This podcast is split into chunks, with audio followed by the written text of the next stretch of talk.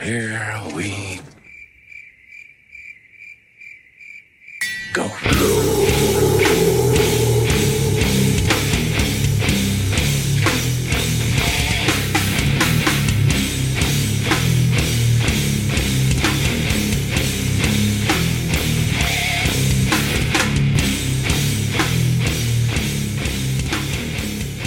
Då är vi tillbaks, nere på noll avsnitt 71.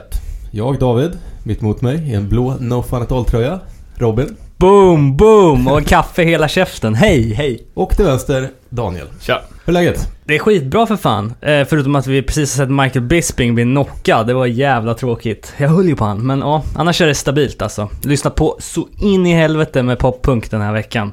Kommit i någon slags vårkänsla här samtidigt som man Jag gluttar på gardinerna och ser att det är liksom piss ute. Jag har känt som jag har levt i någon typ av American Pie-film i typ en vecka.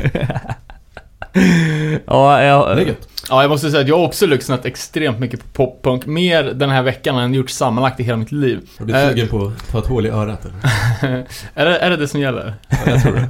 Eller ögon, var- ögonbrynet Var eller... naken typ mycket och sånt. Ja. ja, vi ska gå in mer på vad, vad som kommer, kommer gälla för poppunk, definitioner, historik och så vidare. Men... eh, En sak i taget. Ska vi börja med lite feedback? Eh, ja, det var må- många som, som kommenterade om andra sidoprojekt, tips om lite olika godbitar. Uh, sen var det ju väldigt mycket uh, påhopp här på mig, att jag springer med osanningar och rena lögner. Fake news. Fake news och alternative facts. Eh, Claes Nordin från City Keys s- säger att eh, beskrivning om, om hur Path Resistance bildat var en ren fabricering och att det var Dennis, trummisen, som var skadad i en bilolycka och ingenting annat.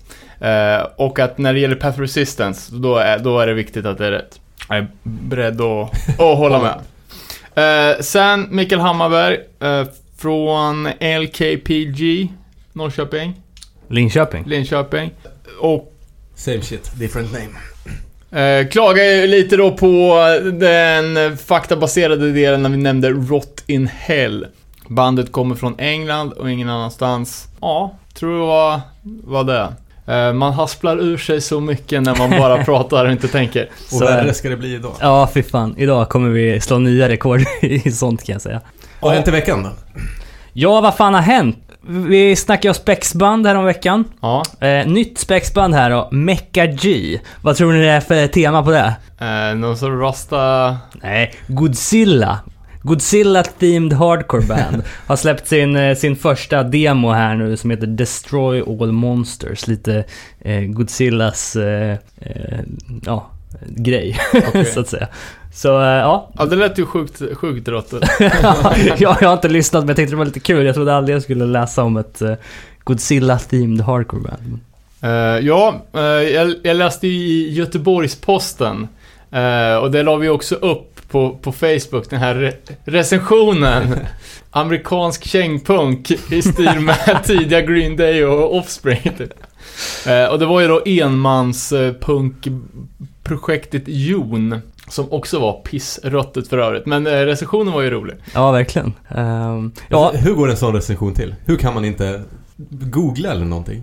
Ja, jag vet inte fan. Kan man inte korra en sån text? Och, och, och den fick ju ändå gå igenom flera led innan de reagerar f- bevisligen. så att, Ja. Men så är det ju... Det är, okej, det är kanske inte så många som tar in att det där är fel. ja, ja, Cheat idé. Eh, ja, såg du Robin, jag vet inte om det var internt eller om det var på våran, på våran Facebook, eh, vad heter de, Suicide Silence banden. ja, exakt. Det var typ det vidrigaste jag sett Ja, i hela mitt liv. Lite bakgrund då. Suicide Silence, eh, amerikanskt eh, dödscore-band skulle man kunna Sån säga. jävla emo-döds. Ja, alltså, alltså förr var det ju riktigt brutalt alltså. Men sen nu har de ju ändrat stil lite, blivit lite mer progressiva. Men de säljer i alla fall då för 150 dollar så kan man få jobba åt dem Roadie backstage. for a day. ja, och det var ju fan, Det är egentligen genialt att ta betalt för att någon ska jobba åt Ja, en. faktiskt. Ja, men det är så jävla vidrigt. Jävla alltså, jag alltså. provocerad. jag förstår det. Vad, det- Fick man en, ett, ett, sånt där, ett laminat, man fick käka caterad lunch och eh, kolla på soundcheck. Ja, alltså hang out with the band during soundcheck var en av de stora grejerna. Och stå på sidan av scen när de spelar. Eh, Alltså vad är det för Vad var det det jävla... kostar? 150 dollar. för, för en dag då, på, på deras turné. Och Dock också att det var begränsat antal, bara sju platser per spelstopp. Ja, exakt. Ah, fy fan. Ja, det var sjukaste. Eh, annan sjuk grej var ju den där eh, 100 merchen eh, som jag la upp på vår Instagram. Jag vet inte om ni såg den? Ja, så svetthållare. Eh, Ja, det var väl snarare såna här tissues. som, som man kan använda inför. Eh, eh, en, en annan grej då, det här är lite kul. Eh, jag hänger mycket på, på olika forum och då är det en snubbe som höll på med ett fanzine som skulle heta Urban Legends in Hardcore. Det skulle bara basera sig på Urban Legends från 90 och 00-talet. Fan, det låter hur bra som helst. Och nu har jag en lista på typ 20 grejer här. Som jag vill att ni ska säga om ni tror att, alltså vi vet ju inte om de är san- sanna eller falska, men vi kan ju ändå gissa om, om det här kan ha inträffat. Det ska finnas en video av Dwid som, när han pangar mot några kids utanför eh, en, en klubb som heter Peabodys på en Integrity-spelning på 90-talet. Eh, Vad sa du att han gjorde? att han ska ha skjutit mot några kids på en Integrity-spelning på 90-talet. Sant eller falskt? Vad tror ni? Eh, Jag tror det är någonstans i gråzonen. Han har ju säkert avfyrat någon, något, någon, något knallskott eller sådär, men jag tror inte att han har skjutit skarp ammunition. Nej. Eh, nästa då. Samuel L. Jackson brukade vara roadie för Bad Brains. Troligt ändå, eller? I början kanske. Ja, nu är det bara så här, typ de, de enda svarta personerna den här personen kan tänka ut och då blir det han. Nej, det tror jag inte. Eh, Mike Cheese från eh, Gehenna då. Eh, brukade rappa upp sin avföring i badhanddukar och lämna den på olika ställen på, på, i lägenheter som han hade sovit i på turné. Ja, garanterat. Ja, kan ha hänt. Lifetime, bandet Ja. alltså. De snubbarna hade kastat cheeseburgare på Earth Crisis. På en spelning på Det har jag 90-talet. fan hört att någon har gjort. Ja, då finns det ju ändå viss... ehm, Fast var det verkligen cheese? Ja. Det spelar ingen roll vad det var. eh, Ja, vad fan, det var... Jag har hört att de kastar yoghurt eller någonting. Ja, vad fan, och sen är det ju klassiskt när, kan det ha varit Chaos Euro eller BDA som kastar surströmming på Carcass när de ska spela i Fagersta. och de vägrar lira förrän de hade sanerat lokalen. Sen såg ju vi, vad fan, vi såg ju Earth Crisis i Tyskland en gång för många år sedan. Då var det några, några skins som kastade upp en ölburk när Earth Crisis spelade. mm. Ja, det kommer mer grejer här. Om, Och då hoppar ju, fan vem var, ja, någon ur Madball-entouraget ner och sopa, sopa rent. Jaha, okej. Är det NoFX man slänger skor på eller? Jag vet inte. Är det en grej? eller? Och sen jag också när, när Voice of Generation i början, att de hade under så här slogan Spit from the crowd just makes us proud. För att de tyckte det var jävligt punk. Och sen var de tvungna att ändra det för att de var så jävla nedspottade. Fy fan. Eh, ja, en annan grej då. Eh, Earth Crisis ska tydligen ha spöat någon i Reversal of Man. Om det här har vi till och med snackat Ja. om. Ja, det kanske vi har. Ja, okej. Ja, men då är det ju... Var det. Get the kid with the sideburns? Ja, exakt. Eh, men, eh, jag vet inte. Jo, men fick- det var nog sant. Nästa då, det här vet jag, det kanske är too close to home, men Rabies dog av AIDS. Ja, det är ju vanligt, vanligt spritt alltså. Ja, okej. Inte helt omöjligt för, jag läste precis i uh, Rogers, Agnostics bok, där det stod att de typ uh, injicerar heroin med delade sprutor och grejer för att de inte visste, alltså typ, det var ju pre-aids. Ja, ja, Men okej. vad är den officiella? Det är... Bakteriell lunginflammation. Just det, så. Kan ju också vara en, en eh, vad heter det, komplikation man får om man har HIV. Mark från Supertouch var i en porno. Ignite gjorde en porno. Det är två, två porr, porrskrönor som finns. Ehm, Ja, hur fan var det när, när vi snackade om svenska då, att uh, Forced Into hade gjort en porrfilm? ja, just det. Och jag tror att sist hade en porrig distro. Och att någon från Nyköping var med i en porrfilm också. Ja, just ja. Som jobbar på... Nej, jag vet fan. Nej, det går- vi, vi, vi klipper där. Ehm, just det. Någon blev stabbad med ett samurajsvärd när Slapshot öppnade för Agnostic Front i Boston. Ja, det är mycket möjligt. Om det var riktigt tidigt. Sen har ju de varit eh, bra sig, Det var ju inte banden, så det kan ju mycket väl ha hänt. Just det. Eh, jag vet inte om ni känner till eh, amerikanska metalcore-bandet från New, New Brunswick, Dead Guy? Men Ja, ja, Victor band ju. Ja. Typ uppfinnarna av Noisecore. Ja, okej. Skranan är i alla fall att en av dem i Dead Guy är en Mormon Park Ranger i Utah och det är därför de inte har gjort en reunion. Ja. Det För de har ju... Hoppas att det är så. eh, på det här, vad heter det, Fixation of Coworkers så har de ett specialomslag som bara är ett stort pentagram. Ah, det var innan konverteringen kanske. Ja, Eh, sångaren i Pennywise snodde ett 60 000 dollars eh, guldkedja från Kid Rock och slängde den över ett stängsel. hoppas det var sant. Bad Luck 13 killed two people at Hellfest 04. Fan, det där har jag hört! Det berättade, det berättade ju Viktor Svensson. Att Jaha. han hade varit på det giget. Och då hade de, ja, ni vet vilka Bad Luck är. Ja, det är Det- Ri- Riot Extravaganza. Ja, de, de står varandra med basebollträn inlindade med taggtråd och publiken... Jag tror att de hade en sån jävla, vad heter det? Man flisar trä med på. Träflis. Ja, och de har på välte väl hela läktarna när de spelar på någon, någon festival där. Men då, enligt legenden här, så hade de, eh, hade de haft eh, typ eh, avhuggna grishuvuden på spett, alla black metal liksom. Och så var det någon som hade blivit så jävla peppad så han började tugga på det där grishuvudet. och dragit på sig någon svår magbacill som hade tagit livet av honom. Så det kan ju faktiskt vara sant också. Eh, vidare då. Stickman har tydligen spöat varenda medlem i Coal Chamber i någon, på någon festival i Europa. Ja, det är mycket möjligt. Joe Hardcore betalade inte ett turnerande band från Japan eftersom han trodde att de var kinesiska kommunister. Kev One från Bulldoze slängde in en symbol i publiken, frisbee-style, och dödade den. Hoppas inte det var sant. Den här tror jag fan jag har hört.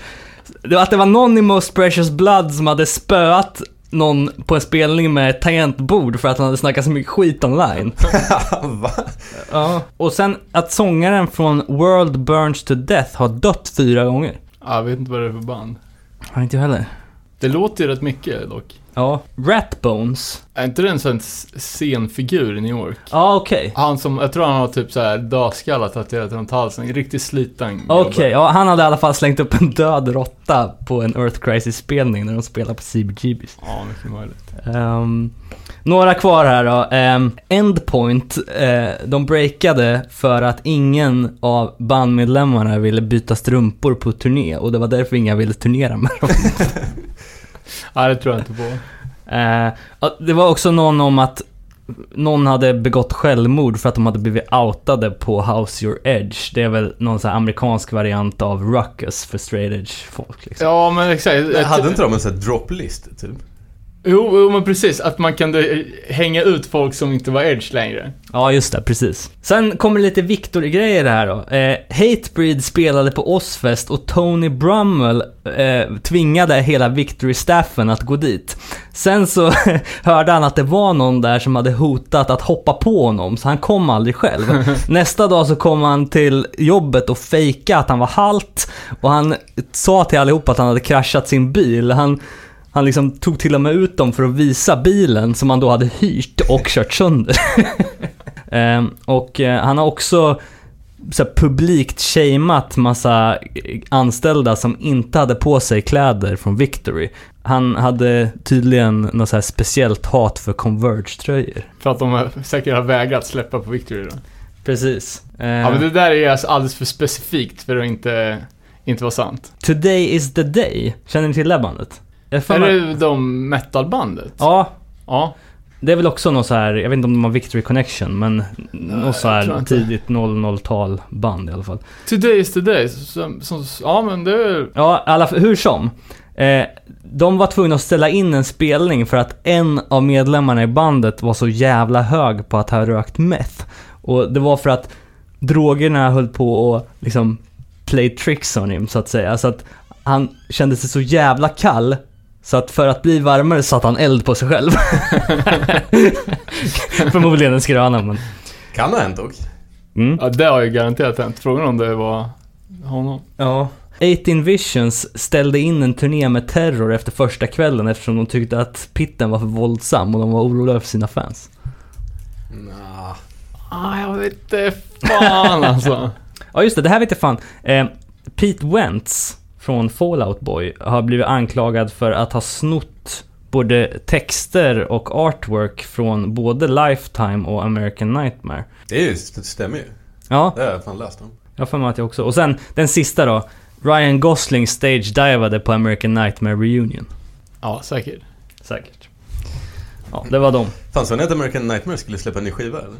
Ja, jag la ju till och med upp det på våran Instagram. Men jag vet inte hur pass eh, intressant det är. Det är typ ett av mina favoritband så det är...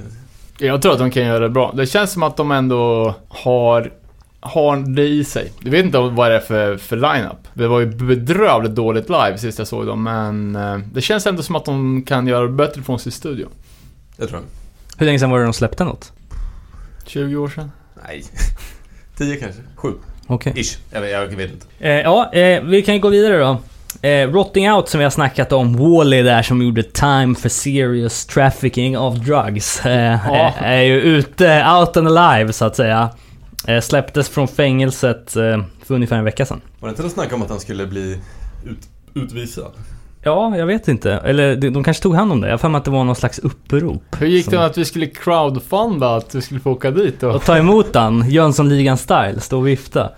Ja, ehm, sista jag har på Hänt i veckan, det är ju Warp Tour. Kommer göra sista trekken eh, sommaren 2018. Vad finns det fortfarande? Sen är det jag trodde slut. du hade lagt ner det. Ja, nej, det är väl eh, i sista året då.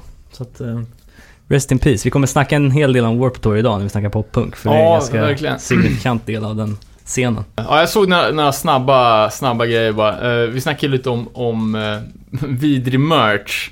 Så eh, det, var det bättre slaget då. Bad Brains har gjort en lemonad. nice. Jävligt nice. Och det är ju två nya smaker ute på uh, hjortron, hjortrongranat. Aha, Eh, en som hette Ginger Lemon, som, och så var det en blåbärsrackare. nice. Uh, så såg jag att uh, Marauder ska släppa alla sina skivor på vinyl, reissues. Eh, och två av deras fyra fullängdare finns inte på vinyl överhuvudtaget. Så det blir en jävla fattig decembermånad för det nätterdaska hushållet. det blir bara julklappar till farsan alltså. Nej, jag, jag vet inte. Father of the year. Jag vet inte riktigt hur jag ska ha- hantera det. Vad är det? Är det någon sån här major label? Det är ju Demons Run Amok. Tyska eller belgiska eller vad fan de är ifrån. Fan, så är det de som har reissuat så jävla mycket Madball? Ja. Att- Dead Serious. Nej. Skitsamma. Backbite heter det. Backbite. Att något band hade kollat ut dem för bootlegging. Okej, intressant. Vad har de gjort mer än Madball då? Det här var någon typ Evergreen Terrace skiva. De skrev typ... Eh, det här, det här... Evergreen Terrace skrev Det här har inte vi någon del av. Vilken jävla skitprodukt. Och då svarade de där Backbite typ Nej nej nej, vi har köpt rättigheterna till det här. Och sen bara någon jävla Okej. beef däremellan. Intressant. Uh, Såg även att Barcount ska spela på Sweden Rock. Uh, kommer ju inte åka dit för det, men uh, kanske blir en klubbspelning. Uh, nya skivan är ju jävligt bra. faktiskt. Jävligt bra. Ja, det var nog typ det jag snappat upp. Det var ju inte så länge sedan vi spelade in för ovanlighetens skull. Sant, sant. Ja, poppunken då. Hur fan lägger vi upp det? Jag har typ aldrig lyssnat på poppunk. Nej, men eh, jag tänkte vi, vi gör så här att vi eh, eh, börjar med att definiera poppunk. Ja, men precis. Och sen så går vi in på att jag drar historiken över poppunk. Ja, Och sen så kör vi lite övrigt och, Roast, eh, och, och sen lite, jag kan ge er, er min topp 5 ja. av must men absolut. listen. Så ja, vi går in.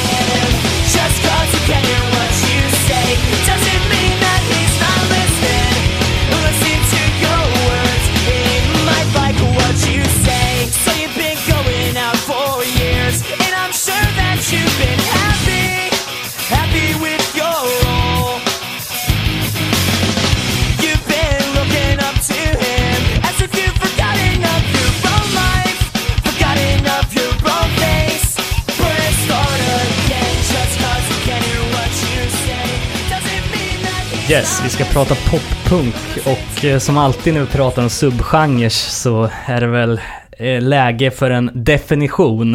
Eh, man pratar lite om vad är egentligen poppunk?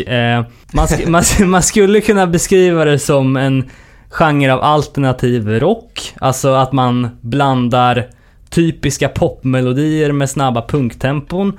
Eh, Låter rimligt. Höga gitarrer med samstämmig, så- samstämmig sång. Eh, man kan också säga att poppunk är radiovänlig, men samtidigt behåller attityden och farten som finns i den klassiska punknerven. I alla fall eh, lite så. Men det här stämmer in på massor band som inte är poppunk. Absolut, men man kan ju också prata om texterna då. Alltså, rent textmässigt så varierar det ju rätt mycket inom poppunk. Typ, många skulle hävda att essensen av poppunktexter liksom hittas i uttryck som vänskap, kärlek, ibland hat liksom, eller attityd, individual- individualitet eller dåtidsromantik liksom. Jag är 25 och sjunger om mina college years liksom. Eh, Medan typ vissa poppunkband som Blink-182 skulle hävda att det handlar mer om hundar. eller The Wonder Years som skulle säga att det han- hamnar, handlar om somniga ögon och beniga knän. Eller ja, Man Overboard som inte kan skriva texter typ. Men... ja, och, Ja, det känns inte som att det är supermycket politiskt i alla fall. Nej. Eh, och- det är nog också liksom vilken typ av poppunkbanden man personligen graviterar mot. Liksom. Det- Det har ju dykt upp många mer politiska poppunkband på senare år. Liksom. I början var det kanske bara Bad Religion som verkligen stack ut, om man nu vill kategorisera dem som det. Men vi kommer till det. Det är ju liksom... Men är det inte gäller så här banala texter? Du, du vet, olycklig kär när man är 15 eller Ja. något sånt liksom. Blink-182, fuck a dog liksom. Typ. Nej, det det ska bli intressant. Alltså ja, och personligen för mig, om man tänker på vad poppunk handlar om, så är det nog mer att hänga upp foderjackan för säsongen eller byta mössan mot keps eller typ PMA liksom. Det är nog ingen så här musikgenre som får en så peppad. Alltså lika gött som man tycker det är att gräva ner sig i typ Sastur eller Leviathan eller Life Lover i, när det typ är oktober-november. Lika liksom gött är det när man lyssnar på Four Year Strong eller när Homegrown skriker åt en att get a job eller, eller Jawbreaker liksom undrar Do you still hate me? Men alltså, ja, för, jag är lite, ja som sagt, jag lyssnar jävligt mycket på pop, poppunk den här veckan. Tycker att det, mesta är bra, men jag får ju absolut inte ut någonting av det. Det är liksom, jag vet fan, det berör inte. Jag, jag behöver ha någon typ av, eh, det måste ju finnas någon svärta i det hela. Även fast eh, låtarna kan vara bra, det kan finnas, eh, alltså, det är bra, ofta bra stämsång och det där. Men det känns som att det är lite, jag vet fan, det är någonting som saknas. Mm. Men, ja, det är en tunn jävla gräns innan det blir lite för plojigt hela tiden. Eller? Vad tycker du? Men, ja, Robin? ja, alltså det beror på om det görs alltså, rent instrumentellt bra eller dåligt. Alltså, är det en jävligt catchy låt, då kan de ju sjunga om vad fan som helst. Tyvärr är det ju så med Jo, poppunk jo men liksom. det, det, det stämmer. Det spelar liksom ingen roll om det är... eh, Alltså, jag går inte in i, i när jag lyssnar på poppunk i någon slags behov, uppdämt behov av att fylla en ångestpool med liksom intryck. Utan det handlar nog mer om att ja, lyssna jävligt lättsamt på det. Som någon annan jävla galning lyssnar på Mix Megapol bara för att få in någonting i örongloben liksom. Jag förstår. Ja, det är lättsam är ett bra ord att beskriva poppunk kanske. Mm, absolut. Eh, men om, om vi ska snacka om lite mer definitionsbaserat. För poppunk, nu- om man har ju typ testat tesen på lite olika band och det verkar som att eh, poppunk slängs ju alltså nästan på alla band som, har, som kan skriva catchiga refränger. Typ som att många säger ju att Misfits och Ramones är poppunk. För att de har, ja men liksom jävligt bra eh, hooks. Men jag skulle ju aldrig kategorisera Misfits som ett poppunkband liksom. Ja, Och många pratar ju om liksom den magiska gränsen där, eh, 94 liksom. Och då, då är det ju framförallt liksom, ja, men typ Green Day och efter. Så liksom, typ som att folk kallar NoFX för poppunk. mm. Eh, och för att man kan vara typ tokig när, när någon kallar dem för ett poppunkband. Mm. Annars bara fan, de, de som tycker att vi är poppunk kan ju dra direkt åt helvete liksom. Vi är melodisk hardcore, det är liksom Fuck that shit. Men så vad, vad, vad säger du då som är dagens eh, expert? Så tidig poppunk, eller så... Ja, alltså om du vill. Jag har skrivit ihop en hel historia om Ja. poppunk här, alltså historiken, så att säga. En- Enligt vad jag upp, Ja. tycker är, Ja. är liksom eh, grundband, timeline och så vidare. Så att eh, vi kan ju gå in på det då Ja, och se, liksom för att som du sa, Och som är fallet med många andra musikstilar. Om om man pratar poppunk, man pratar eh, ska eller man pratar eh, black metal eller man pratar hardcore liksom. Eh, det är ju inte bara något man skjuter från höften utan det är komplicerat, det är stökigt och det spiller över i många andra musikgenrer. Jo, liksom. så är det. Men jag tänker att pop och punk, det är ändå lite av två antiteser. Kan inte på rak arm komma på så mycket andra. Det skulle vara typ, eh, vad säger white metal eller någonting. Men att just att det är lite motsägelsefullt. Ja, exakt. Absolut. Visst är det så. Och det, Och vi, liksom, när börjar band själva kalla sig för poppunk och vilka blev beskrivna som, alltså, för att försöka definiera ett sound? Eh, men vad, ja, vi börjar från, från början då helt enkelt. Eh, ja, ja, man kan i alla fall börja titta på historiken över poppunk då, de tidiga åren 1974 till 1989. Och det började då med liksom protopunk och powerpop i slutet av 60, början av 70-talet som liksom låg till grunden för det här, vad vi nu uppfattar som är poppunk-soundet liksom. Och det steg då ur skapelsen av punkrock runt 74 med då The Ramones. Och The Ramones har vi ju snackat ganska friskt om i den här podden genom avsnitten, men man, man kan ju säga att Ramones liksom högljudda, spelar snabbt men med jävla melodi som särskilde dem då från andra kontemporära New York-band. De andra banden utöver Ramones höll till i en annan typ av scen. Det var liksom en art rock-scen kan man säga.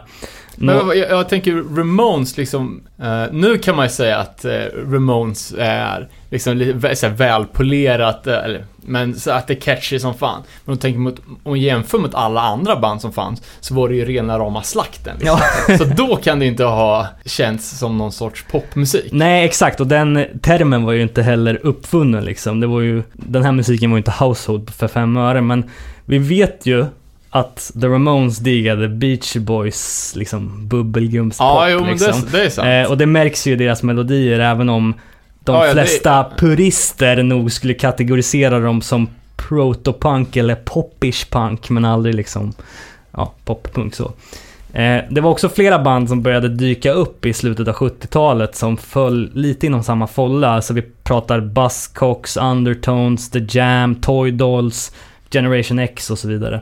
Eh, många av de banden kom att lägga grundplåten för liksom, vad poppunk skulle bli. Fan, har ni lyssnat något på Undertones eller? För de har ju den här låten Teenage Kicks som är typ Ja, just det. Ja, just det. Ja, jävla, jävla bra. Den har man ju hört. Jag försökte kolla in en, eh, det var en typ best of-platta. Alla andra låtar var ju sämst.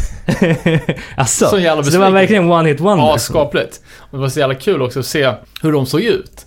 För de, alltså, det var så, ja, de såg så jävla mjäkiga ut. Alla såg dessutom lite rätt handikappade ut, eller de var väl engelsmän liksom. Det var bara, men de såg så helt jävla vinnögda ut och så små jävla, ja, vet fan, de såg jävligt fattiga ut helt enkelt. Vad hette skivan då? Det, det kommer jag inte ihåg, men alltså jag såg bara någon så här, typ deras promofoto. Ja, okej, okej. Eh, ja, och alla de där banden som jag nämnde här var ju, det gäller väl även dem. Fokus på liksom upptempo, hög volym, melodier liksom. Och ut, utöver då den skivan som du nämnde, Teenage Kicks. ja precis, Ja. Eh, så skulle man väl kunna lyfta fram då från den här perioden också Buzzcocks compilation-platta Singles Going Steady från 79 som har kallats för liksom the blueprint for punk rock bands prefer- preferring tuneful tales of lost love and longing to rage against the machine.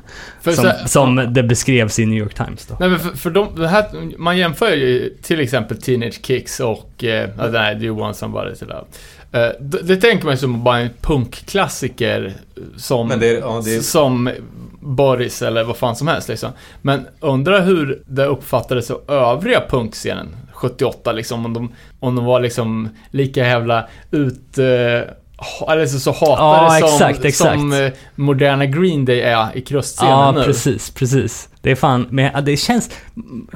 Man funderar över det där fenomenet. Det känns som att det inte fanns på samma sätt då. Alltså att det här jävla liksom... Elitist. Ja, sell-out-mentaliteten inte var lika, liksom, för det här var ju nya musikgenrer som de kom upp för. Liksom, Ja, jo men var det då liksom bara, åh fan vi måste starta ett punkband nu, som tusentals andra gjorde, bara för att det var den senaste grejen. Liksom, om man kollar på brittisk 77-punk, ja, alltså alla släppte ju typ på major labels i början och eh, det är, ex, det är så enormt, folk sålde enormt med skivor. Mm. Om det liksom var ett medvetet bara nu jävlar ska vi, ja men du vet, nu, är det, nu ska vi bli nya Beatles fast vi ska ändå vara lite, lite, lite punk så vi Precis. kan haka på den här nya trenden. Ja, intressant eh, Ja, tanke. vem vet, det får Vi- vi, kolla upp någon gång. Hur som helst, om vi ska tidsbestämma det här nu då, så vi befinner oss i slutet av 70-talet. Vi nämnde Toy Dolls.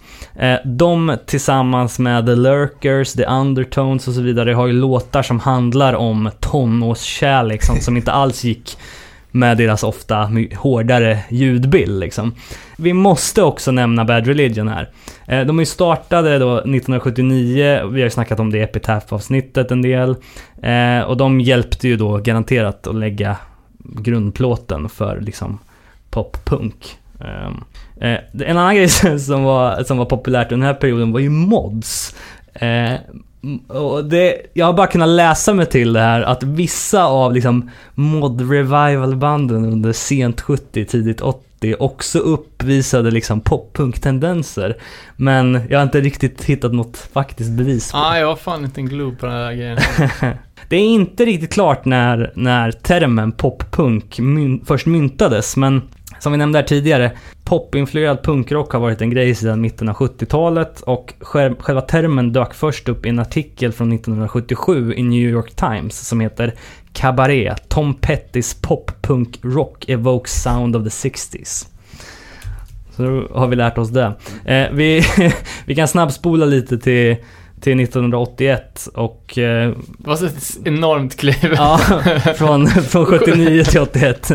Eh, hardcore punk, populärt begrepp i USA. Vi vet att det fanns band under den här perioden som valde en mer melodisk approach, Bad Brains, Husky Du. Sen utöver dessa hardcoreband då så fanns ju Bad Religion som, som liksom firade av politiskt irriterande dängor till liksom harmonier och, och stämsång liksom. Även The Descendants som körde sitt, sina Beach Boys-inspirerade låtar om brudar och mat och att vara snorunge typ. Ja. The Descendants, deras liksom positiva men ändå sarkastiska inställning började separera dem mer och mer från dåtidens hardcore-scen liksom. Inte minst med deras Milo Goes to College från 82. Men eh, just Descendants är ju kanske det första man typ skulle kunna klassa som poppunk. Mm, För de figurerar ju ändå i eh, hardcore-scenen ja, jä- jävligt mycket. Det kanske inte fanns någon. Jag tänker att den klassiska punken var typ helt utdöd. Så Mm. att det kanske var där man, i underground hardcore-svängen man fick vara om man skulle ha ett band överhuvudtaget. ja verkligen. Men man ser ju alltid lite som, ja men typ flyers med Descendants och Negative Approach liksom som är total yin och yang. ja, verkligen. Som sagt, vi befinner oss nu i början av 80-talet. Tidningar som Maximum Rock'n'Roll börjar plocka upp uttrycket poppunk när man beskrev band som liknade Social Distortion, Agent Orange och Tesol. Liksom, nämligen The Vandals och Guttermouth. Men just Social Distortion har jag aldrig tänkt som poppunk. Nej, men det jag sa här var att Maximum Rock'n'Roll, Det, det förstår jag också. ja, liksom Men det är ju inte jättelångt ifrån Descendants. Nej, någonting. absolut. Men man har ju aldrig, jag- tanken har ju inte ens slagit en att det skulle vara poppunk. Nej, nej, verkligen. Eh, dock, dock sjunger de ju. Om du, om, du, om du jämför Black Flag med Social Distortion eller TSOL. Jo, jo. Så det finns ju ändå en eh, lite sl- slätare, mer välpolerad Ja, musikalisk. det, det finns ju massor, ja och det är ju supermelodiöst och catchy som fan. Ja, nej jag skulle inte heller, heller kalla det för pop-punk. Absolut inte. Ja, Men man, de får väl liksom om man ska... Om man ska försöka hitta ett spår liksom så får man väl sträcka sig till det, det utbud som fanns. Ja, och sen så kan det vara så att man befann man sig där då, då kanske man hade en uppfattning. Jag tittar ju på Social Distortion som gubbrock idag. Det gillar ju Ja. inte du, men... men jag menar, det, Det har är ju... jobbigt som fan. Nu. ja. ja. Men eh, tillbaks då. Eh, poppunk, eh, poppunken genomgick någon slags förändring under mitten av 80-talet. I alla fall i USA. Även om den var liksom långt ifrån gångbar i, i mainstream-kretsar. Eh, det var många band som fortsatte sin do-it-yourself approach till sin musik. Och det var många så här som man nu tänker klassiska labels som poppade upp. SST Cruise, Records, Lookout, Fat Wreck, Epitaph och så vidare. Vi har ju gått in många av de här i andra avsnitt. Eh, Ja, exakt, och alla de bolagen är ju stora fast eh, var ju startade som DIY-bolag för att släppa egna releaser. mm. Lookout vet jag inte om det var någon, men alla de andra är ju det. Eh, I slutet av 80-talet då så ökade antalet band som flörtade med poppunk. Det var några som stod ut, typ The Queers Eh, och Screeching Weasel. Eh, och de började också köra lite större turnéer runt om i USA, vilket i sin tur influerade kommande akter som Green Day och Offspring, som kom att bli några, bli några som verkligen satte poppunk på kartan. Eh, men det man återkommer till i den här perioden, slutet av 80-talet då, ett superinfluentiellt band som heter Crimp Shrine. Eh, Ja, det är tidigt uh, Lookout-band. Berkeley Precis. tror jag. Precis. De släppte sin enda fullängdare Lame Gig Contest 89. Eh, Den rejectades faktiskt av Lookout Okej. först. Vad jag förstår så Crimp Shrine, det fanns ett, eh, liksom ett ställe som hette 924 Gilman Street, vilket är poppunkens motsvarighet till CBGBs. Det ligger i West Berkeley, Kalifornien. Ja, men det är Gilman Street uh, spellokalen. Precis. Ja, och det var, det var där de liksom fick sina grassroots, så att Ja. säga. Och sen, jag vet inte om de efteråt plockades upp av Lookout, men... Eller de kanske bara reissuade den, men de har ju bara släppt den enda fullängdaren, Lame Gig Är det Contest. bra eller? Jag har aldrig hört talas om. Nej, det är ju... Jag tycker att det håller, än idag. Jämför det med någonting, vad låter det typ som? Åh, vad fan ska man säga? Tidiga Jawbreaker kanske? Ja, det är ändå lite moll inblandat. Ja, Exakt. För det är ju också en liksom så här, vad, vad, vad är emo? Punk? Och vad är poppunk? För vi- vissa av de banden fejdar ju över ganska, ganska tydligt. Verkligen. Det kommer vi komma till också, men ja. Visst, man kan säga att Crimp Shrine är det bästa exemplet på poppunk under 80-talet, så är nog Jawbreaker poppunkens Velvet Underground, alltså bandet som födde tusen andra band. Eh, inte minst med deras första platta Unfun från 1990. Jävla bra den är alltså. Ja, den är så jävla bra. Det är också liksom... Den satte på något sätt fart på hela 90-talsvågen av poppunk liksom. Ehm, För jag är lite... Jag vet inte, jag tror jag har hört fel grejer med Jawbreaker. För jag har aldrig riktigt uh, tagit mig tid att lyssna på det så här. Men just den skivan är ju fan pissbra alltså. Jag tycker några av deras Ja. senare grejer också är jävligt stabila. Jag är beredd att hålla med. Alltså. Men de var typ fan aldrig stora väl? Nej. Fan de fastnade i, du vet, ditt favoritbands favoritband. Ja, exakt. Facket. typ.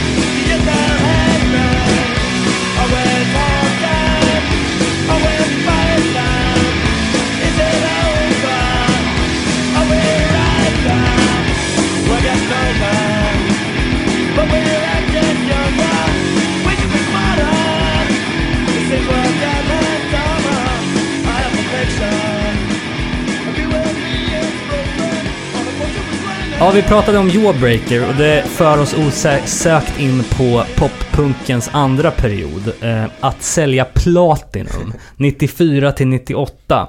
94 Kan är jag vara säker på att Jawbreaker sålde inte platina. garanterat Men inte. fan vad det, det är, håller ju fan jävla bra klass än idag alltså. Ja, verkligen. Det är svängigt som fan alltså. Men jag tänker, alltså det är många som gör parallellen Dag Nasty och Jawbreaker. Mm. Eh, och det är inte, det är inte mil, miles apart. Eh, även fast uh, Dag Nasty kanske är lite mer hardcore. Eh, men det, det är ändå en, sa, samma nerv där, tycker jag. Men, men du nämnde ju typ Lifetime och sånt. Det är också härifrån typ. Mm. Exakt, jag ska faktiskt komma in på Lifetime också. Här var det lider. Men man kan säga att 94 är ju ett viktigt år på fler än ett sätt. Det är liksom då poppunken slår igenom på riktigt i mainstream och får det erkännandet som det förtjänar. Men det är också året då banden som växte upp i den här Callis punkscen på 80-talet slår igenom på riktigt. Green Day och The Offspring då Ja. framförallt. Ja, jag Eh, läste någon lista på, på band som släppte viktiga plattor 90, just 94. Och den var ju fan... Den var ju helt... sjukt år. Sjukt år alltså. Ja. Eh, Green Day då... Var, var inte grunge jävligt stort då också? Ja, men det var väl hela Nirvana-grejen där va? Ja, Är det precis. också typ 94-ish? Eh, Ja, Smells Like Teen Spirit är väl från 94? Eller vad heter den där? Den plattan? Nej, jag tror Nevermind. den, Nevermind, ja. ja, eh, tidigare, men eh, alltså nå- någonting som jag, som jag lärde mig här när jag läste, läste lite historia var ju, för ah, ah, det är liksom, poppunken tog ju över efter grungen som liksom den stora, alltså, i, på den här tiden var det ju också den största musikgenren. Eh, men Kurt Cobain, han dog ju den 5 april 94 och redan den 8 april släpptes eh, Offspring Smash. Som är ganska tydligt att bara, okej, nu har bokstavligt talat en scen dött bort och en annan har kommit Ja, till. exakt. Och det var ingen tid att sörja. Eh, men just Green Day då, de kom ju från den här Bay Area-scenen och även de hade lirat på det här stället 924 Gilman Street. Och efter att ha byggt något av en slags underground following så signade de på Reprise och släppte sin major label-debut, Ducky 94. De hade ju släppt två fullängdare innan, men Vet du att de, Inte- har- de har även gjort eh, en split med Led Zeppelin. jaha, 90, 94. fy fan. Dock var det här ett misstag, en, en felpress. det råkar bli eh, Green Day på ena sidan och Led Zeppelin på andra. Jag antar att det är Gold. så. Ja, förmodligen. Ducky, hur som helst, den kommer att ligga, grund, ligga till grund för några av de mest malda låtarna på MTV. Alltså Basket Case, When I Come Around, Long View, för att nämna några från, från den plattan som än idag håller, måste jag ju säga. Men har, har du lyssnat någonting på tidiga Green Day? Inte innan Ducky. Ah, okej. Vad heter den? Ker, Kerplunk eller Ja, och sen heter, vad heter den andra?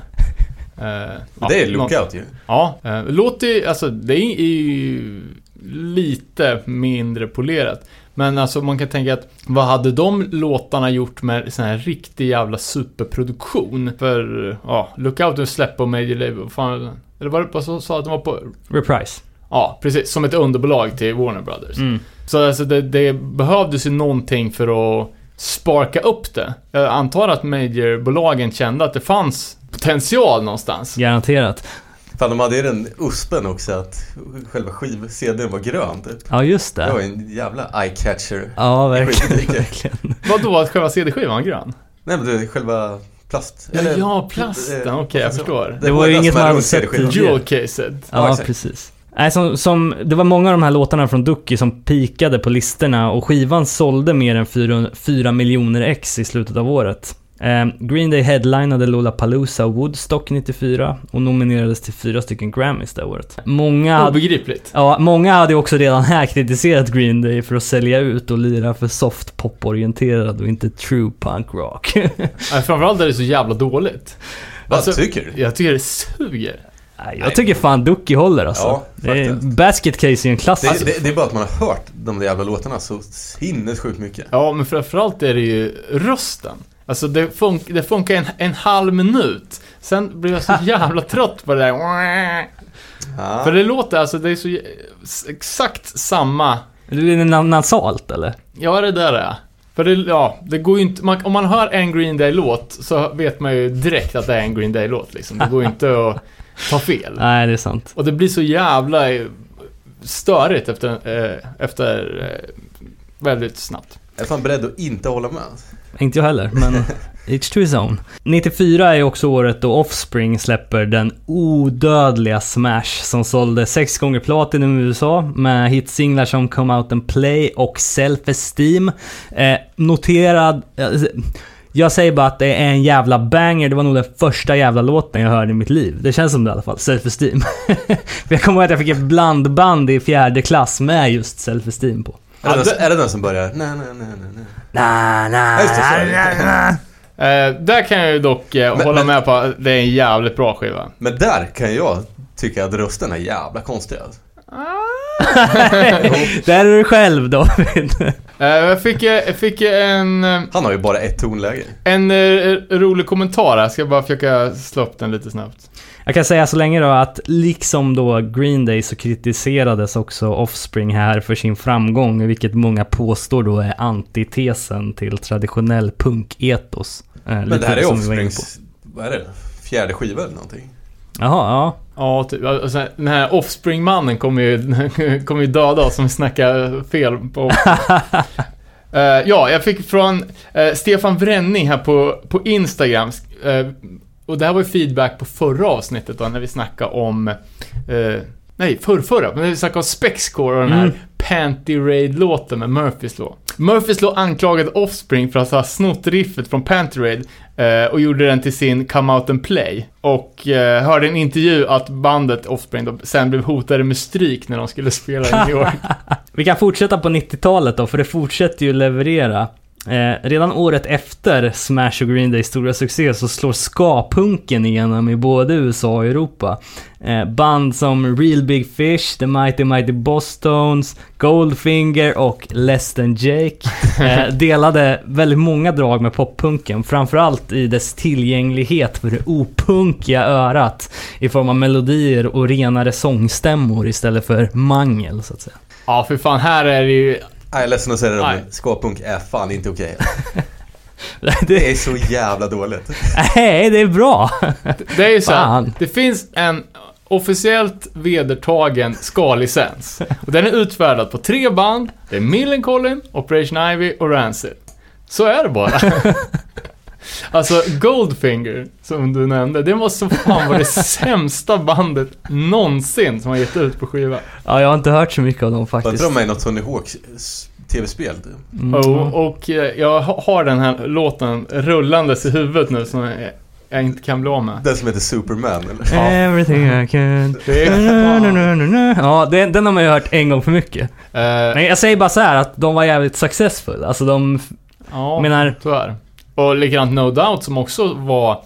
Eh, de har väl haft jävligt mycket olika stilar på eh, sin katalog, men de var ju också ska-punk ett tag. mm. Och de har ju sålt säkert en och en halv miljard skivor. Ja, och framförallt, eh, alltså man kan säga Long Beach-bandet Sublime också. Hade en självbetitlad skiva som kom 96. Eh, Men det är för jävla omslaget som ser ut som en tribal tatueringssol. Exakt, det. Jävla ful den är alltså. och sen spoilar ju du eh, mitt manus här, för jag har skrivit så här. Ett annat ska-punkband från Anaheim hade stor inverkan, inverkan på punkens mainstream-succé under denna perioden med deras skiva Tragic Kingdom från 95 som gick upp på listorna 96. Vilket band? Ja, det var ju No Doubt då. Precis. Eh, jag- jag googlade mig fram till, eh, skulle hitta lite mer eh, Eh, ved att slänga på ska-hatarbrasan. Eh, och då fick jag se en kort dokumentär om latinoska-scenen som finns framförallt i södra och East Los Angeles. Åh fan, vadå? Man byter ut eh, trumpeten mot pan? Nej, det är exakt eh, som alla de här eh, ska-punkbanden. Det var ska-punk också. Man byter ut en ska-hatten mot en bandana. Ja, men lite, lite så var det. Men alltså, ska-punkband, fast de sjunger på spanska och eh, bara är liksom i den latino-communityn. Okej. Pissstort, än idag. Fy fan. Det var liksom någonting som när ska-scenen hade dött ut i, ja men typ i main, mainstream, så togs den liksom över i, i latinokretsarna. Och vad jag har nu lärt mig på, på fem minuter, så då har jag i alla fall en så här eh, ska-punkfestivaler som är alltså jävligt stora. Åh fan. Eh, som, som rockar på, så nu vet du vart du kan... Ja, verkligen. Men, men vad Hittade- ska verkligen mainstream stort? Alltså, Om vad fan du hör No Du hör- Doubt, de ja. var ju Ja, på Ja, topplist liksom. ja. Och jag menar andra stora band som är värda att nämna under den här perioden är också Face to Face, Rancid och så vidare. Eh, också blev signade av major labels ungefär samtidigt då, när No Doubt gick i bräschen liksom och sådär. Fan, nu börjar jag lite ifrågasättande. Har Rancid släppt på Major Label? Nej, eller? Bad Religion har ju gjort det. Eh, de släppte ju på Atlantic va? Stranger and Fiction. Mm. Men vilken Rancid-skiva skulle vara på Major Label? För Outcome the Wolves är ju på Epitaph. Och efter det så var det väl eh, den som heter Rancid Rancid. Rancid 2000? Nej, den Little Life Won't Wait. Vart fan är den släppt? Den kanske är släppt på Major Label va? Och då var det ju som mest jävla ska också. Ja, exakt. Okej, ja, nej, det kan ju stämma för sig. Vi får eh, göra vår hemläxa och kolla upp det till nästa avsnitt. Eh, jag tänker bara i, i samma era, och det här är ju också tillbaka till 94. Ett band som, eh, jävlar vad jag skrapar med den sladden. Eh, som eh, kanske inte är kallat ett poppunkband, men som är jävligt stora och som låter jävligt bekant. Eh, alltså låter jävligt mycket poppunk. Och det är Weezer med först, deras självbetitlade den här blåa plattan. Mm. Och det var ju en av de största... Men det är också, det, jag har aldrig tänkt på Weezer som poppunk. Nej, Det är men, något såhär college-rock kanske. Eller indie-rock-ish. Ja, men exakt. Det är ju väldigt... Ja, men, men man har aldrig tänkt på Rancid som det heller egentligen. Nej, nej verkligen inte. Men man kan tänka att det var den allmänna, alltså vad folk gillade på den tiden. Av någon jävla konstig anledning. Inget fel på Weezer. dock. Nej, absolut inte. Men att det var liksom det som florerade. Jag menar, folk lyssnar ju i allmänhet på det de blir spelade. Och då, ja, av radio. Och speciellt liksom, jag tror i USA när de har så mycket mer Alltså det finns 16 000 college-radiostationer och alltså det, det är inte bara P3 utan att, eh, att folk lyssnar mer på radio. Mm. Eh, och andra liksom som också var stor som som kallas för drottningen av poppunk, det är Avril Lavigne. Avril Lavigne. Kommer vi till också faktiskt. Ja, nice, nice. Eh, Vart är vi i årtal? Vi är 94 är vi Ja, 95-96 skulle jag säga för eh, Green Day, de gick ju tillbaks till ett lite hårdare sound på plattan Insomniac 95 men lyckades ändå då sälja 7 miljoner plattor. Eh, och både Och Ducky... göra 7 miljoner skivköpare missnöjda. Ja, precis. Är den dålig eller? Erkänt Jag har aldrig hört dem. Nej, jag har inte heller liksom. eh, Men både... För man kan ju tänka typ, att, för Rancid var ju tvungen att sona sina brott efter Life Won't Wait. Då var de ju tvungna att släppa in den, du vet den svarta med dödskallen. Mm. Där det var typ Ja, det, då var det ju fan kängpunk. Amerikansk, amerikansk kängpunk istället. I det tidiga Green Day mötte Barry Lydian, eller vad sa vi? Nej men att de var, var tvungna att ta tillbaka någon sorts underjord. Mm. Känns som att Green Green Day Day... gjorde det kanske- exakt opposite känns det ju som. Ja men om de hade den hårdare plattan. Fan, det hade varit bra om jag hade hört den här skivan, men skit i det. Fan, det, vi måste ju behålla någon sorts värdighet. Vi kan inte vara så sönderlyssnade på det här. Nej, exakt. Man kan i alla fall konstatera att både Ducky och No Doubts Tragic Kingdom har sålt över 10 miljoner plattor bara i USA. Och Smash, det är den bäst säljande indieplattan någonsin med 12 miljoner sålda över hela världen. Vad fan, men jag läste att Duke har sålt 20 miljoner. Nu kanske, jag vet fan. Aha. Det, Det går att köpa på vinyl på ICA Maxi nu för tiden. hur Och som det var den där den sista miljonen rullade in. Ja, exakt. Men vi är framme vid 97 och det var då Dammit började ljuda från lokalradiostationer. Blink 182 från San Diego var här för att stanna och det var en intensiv tvåårsperiod som inleddes här i poppunkhistorien. Eh, 1997 så släpper Blink sin Dude Ranch, en klassiker. 1998 släpper Offspring sin Americana, ännu mer klassisk skulle jag säga. Och 1999 så släpper Blink-182 sin Enema of the State, kanske den mest signifikativa poppunkplattan genom tiderna. Ja, den är när, bra. när jag tänker på poppunk, jag, jag, då är det ju Blink som är det första som jag skulle klassa som poppunk. Första sökningen på Google. Är det? Nej men... eh, Säkert. Nej men Typ. du vet, allt annat, Descendants och det är spår av det, men det är ju fan inte poppunk. Eh, ja, jag är ju fan ett Blink-fan. Jag har i och för sig bara hört två skivor, men de tycker jag är jävligt bra. Jag kan aldrig uttala den, vad heter den, den med katten på? Som ser typ ut som... Cesar Cat. Ja, exakt. Som ser ut som Anfan med, med Jawbreaker. Ja, just typ. det, precis. Eh, men den tycker jag är svinbra. Snappa upp den från en snowboardfilm, typ när den kom. Mm. När de fortfarande bara hette Blink. Man undrar var det här 182 kommer ifrån, om det är någon jävla delstatskod eller? Nej, men de vart... Ja, just det. Ja, de vart stämda för att det fanns något, jag tror det var ett- något jävla irländskt typ rockband som hette Blink redan. Ja, okej. Och så, så här, jag- det var någon så här, typ lökig förklaring, typ hur många gånger de hade sett Star Wars eller... De hade sett 250 olika förklaringar till... till Alla efterhandskonstruktioner. Surfixet. Ja, precis. Lite intressant statistik om den här plattan, Enemy of the State då. Den sålde 15 miljoner ex över hela världen första, eh, ja, jag vet inte hur många år det rör sig om här men.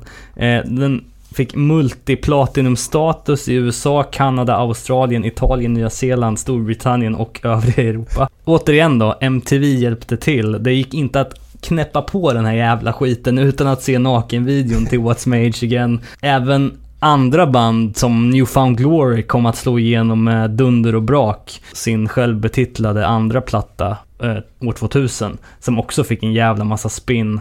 eh, på MTV med, med låten My Own Worst Enemy som låg 11 veckor på listorna i USA liksom. Men just New Fan Glory är ju fan det ultimata poppunkbandet. Då har det ju kommit hem hela vägen. Verkligen, och då är vi, då är vi ändå bara sj- 17 år från att den här historien ska vara klar. Liksom. Men det är ändå en ganska, ganska lång tidsperiod från, från, 2000, eller från, från 1994 till år 2000. Eh, Var det så att poppunken var, var, var uträknad däremellan? Eller låg, Nej, det var ju då att ska-punken tog över där åren 95, Ja, okej. 96, 97 där. För det, jag tror inte man uppfattade så mycket i Sverige. Okej, vi hade ju Chickenpox och, och Liberator och dem. Monster. Eh, Men att eh, just den här kaliforniska ska-grejen var så jävla stor alltså. Mm. Jag tror inte det riktigt var det i Sverige. Nej. Jag har typ aldrig varit på en ska-spelning till, eh, till exempel. Så, eh, men att det verkligen var huge där. Vart några gånger. Fan vad det är så här publikvänlig musik det. Vilka ska-spelningar du varit på? Jag, var, jag har sett något, ett skavband en gång. Det, det, det är som den, Alltså jag har ju sett, jag, jag har ju sett ett krustband flera gånger men jag minns det inte så jävla tydligt som du minns. Jo, men alltså, det- skavande en det är gång. som att, du vet, så här, irländsk folkmusik. Typ. Folk går ju bananas. De gör ju det. Det är så jävla lätt lyssnat för Ja men alltså det är så jävla... folk som är fulla typ. Jo men två bärs in, det är klart det ska skankas. Vad fan är... Ja men ja, ja det är sjukt. alltså. Plus att det gör ju sitt. Jag menar, man upplever ju saker som man aldrig upplevt när man går på en Mighty Mighty Boston-spel. Ja, alltså, jag har sett Mighty Bostons också. och Jag har säkert sett något annat. eh, Men nu tänkte jag en riktig, en riktig ska-spelning där alla är skins typ och åker dit på skot eller vad heter det, vespa och... Nej, det här är Hänger donkey jackets i garderoben och... Ja, afterski-stämning typ är det ju. Ja, okej. Fingrarna i halsen alltså. Japp. Eh, vi fortsätter med 2000-talet då. Eh, Blink-182 de följde upp en med, med Take Off Your Pants and Jacket 2001 som sålde 14 miljoner ex och cementerade dem som det största poppunkbandet då. Eh, Kanada skulle inte vara sämre, de kontrar med Sum 41 med sin debutplatta All Killer No Filler som uppnådde multiplatinum med hits som Fat Lip och Into Deep. De vill lyssna på som fan. Alltså jag, jag kollade upp Sum 41s diskografi. De måste ju ha fan, alltså de fulaste skivomslagen på miljonsäljande skivor. Den, eh, vad, vad heter den sa du? All Killer No Filler. För där är det ju bara så polaroidfoton på när de skakar ansiktet och tar ett kort. Är det så bedrövligt är det inte? Det är ju asfullt ja. David, du brukar ju vara rätt hård kritiker Ja, det är ju inte snyggt men det är inte mind-blowing dåligt heller. för, för en, ett majorbolag som, ska, som räknar med att sälja, nu ska vi sälja 16 miljoner av den här skivan. Hur fan kan de släppa igenom det? Det ser, det ser ut som någon har gjort i paintbrush. Det är ju asfullt. Ja men det ser spexigt ut. Det är Ja, det som okej. säljer. Ja, okej. Det, ska- är bara, du vet, det är ju typ Backstreet Boys tillpunkat lite. Ja, jo. Och Men då, då är det så där det ska se ut. liksom. Ja, fast du kan ju inte säga att Backstreet Boys låter som Sum 41.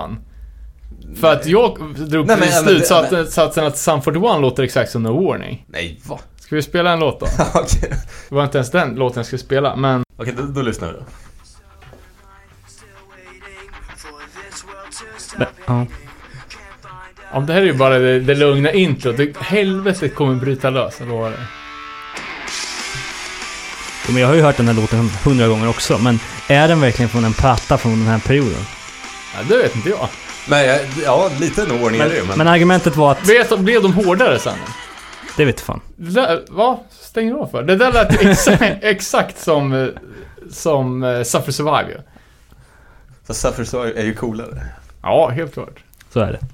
Sjukt att den inte slog mer än vad den gjorde alltså. Ja, det var väl för sent helt enkelt. Men du vet, vad fan heter den? Bad Timing heter den ju.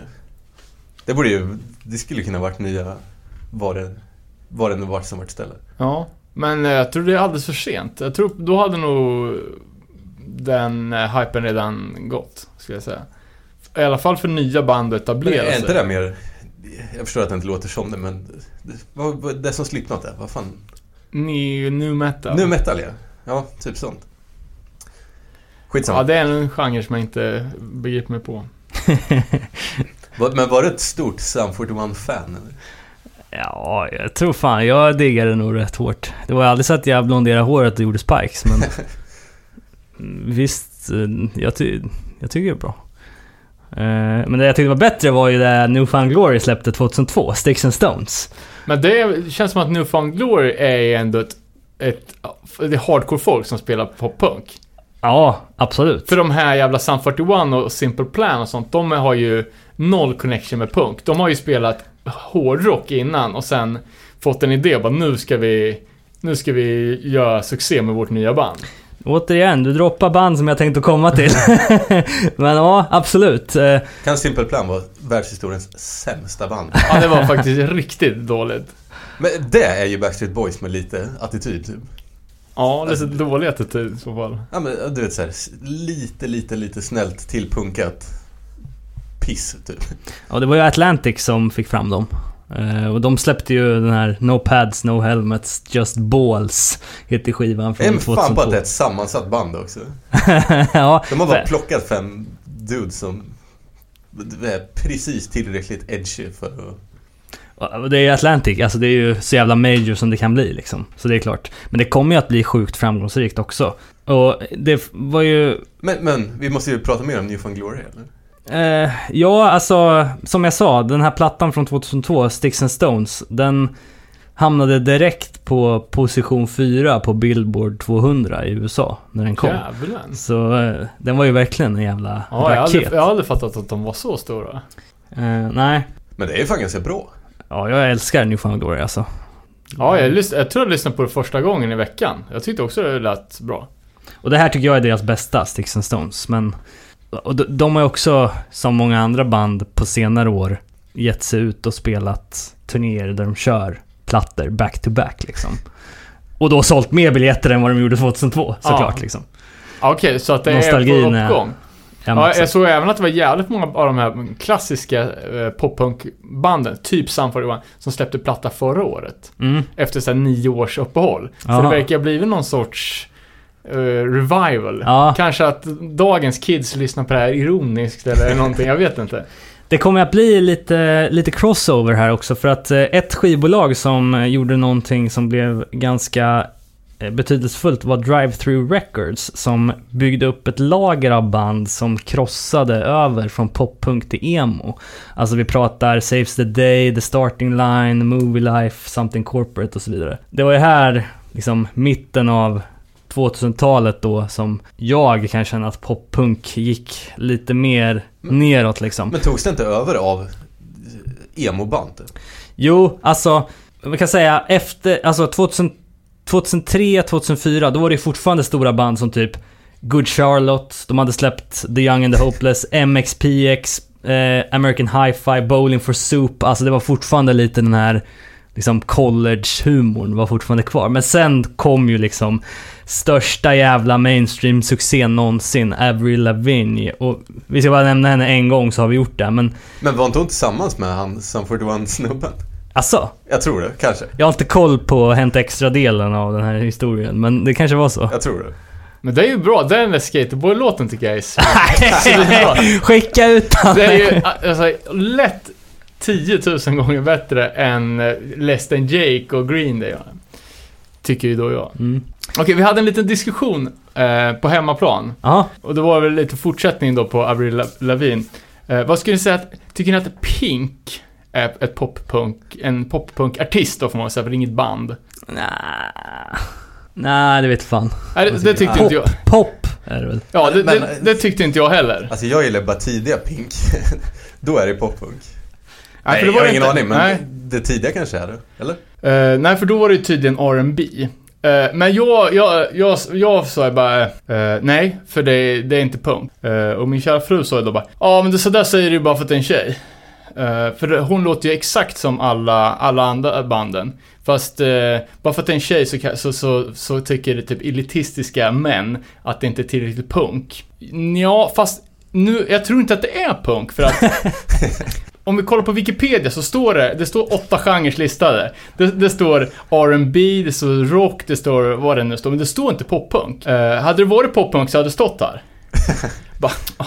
Vilka, tro, vilka tror du som har skrivit den där Wikipedia-artikeln då? Det är patriarkatet som försöker hålla henne nere. Hon får inte vara punk för er killar. Det är en fight du inte kan vinna Daniel. Bara, Ja men ko- kolla här. Så Men bara, alltså rent objektivt, musikaliskt är det väl... Det är, är det inte popmusik? Jag vet jag har aldrig hört det. Det här är ju essensen av, av, av problemet. men jag, säger så här att för, ja, det vart ju, det vart ju sex timmars googlingar i den här diskussionen såklart. Men hon har ju då sålt, Eh, mellan två år, typ, jag kommer inte ihåg vilka år det var, så, så sålde hon typ 14 miljoner plattor. Hon, hon, hade tjänat, eh, hon tjänade 14 miljoner dollar på ett år. Och var den typ 20 mest influentiella eh, artisten av alla. Så jag tror att om hon ville vara poppunk så tror jag nog att hon, för det var ju också den genren som sålde bäst. Så jag tror jag att hon hade liksom makten att kunna edi- editera sin egen Wikipedia-artikel. Men jag kan ju ha fel där. Det kan ju vara en, konspirations, en konspiration liksom som håller som håller tjejerna som vill spela poppunk nere och kastar på de andra hemska epitet som till exempel eh, poprock då istället. Ja, just det. Eh, Ja, vart intressant. var vi någonstans? Ja, vi, vi, vi kan stanna kvar lite på år 2003. För att eh, även om man på, på radion då kunde höra Indianas The Ataris, Jacksonvilles Yellow Card, så var det ändå giganterna som var tillbaka. Blink-182 släpper en självbetitlad platta 2003. Det här är nog fan min favorit. Det är en odödlig platta. Det är mer moget sound. De har liksom mörkare texter. Vadå, det är lakritstuggummin och jordgubbe?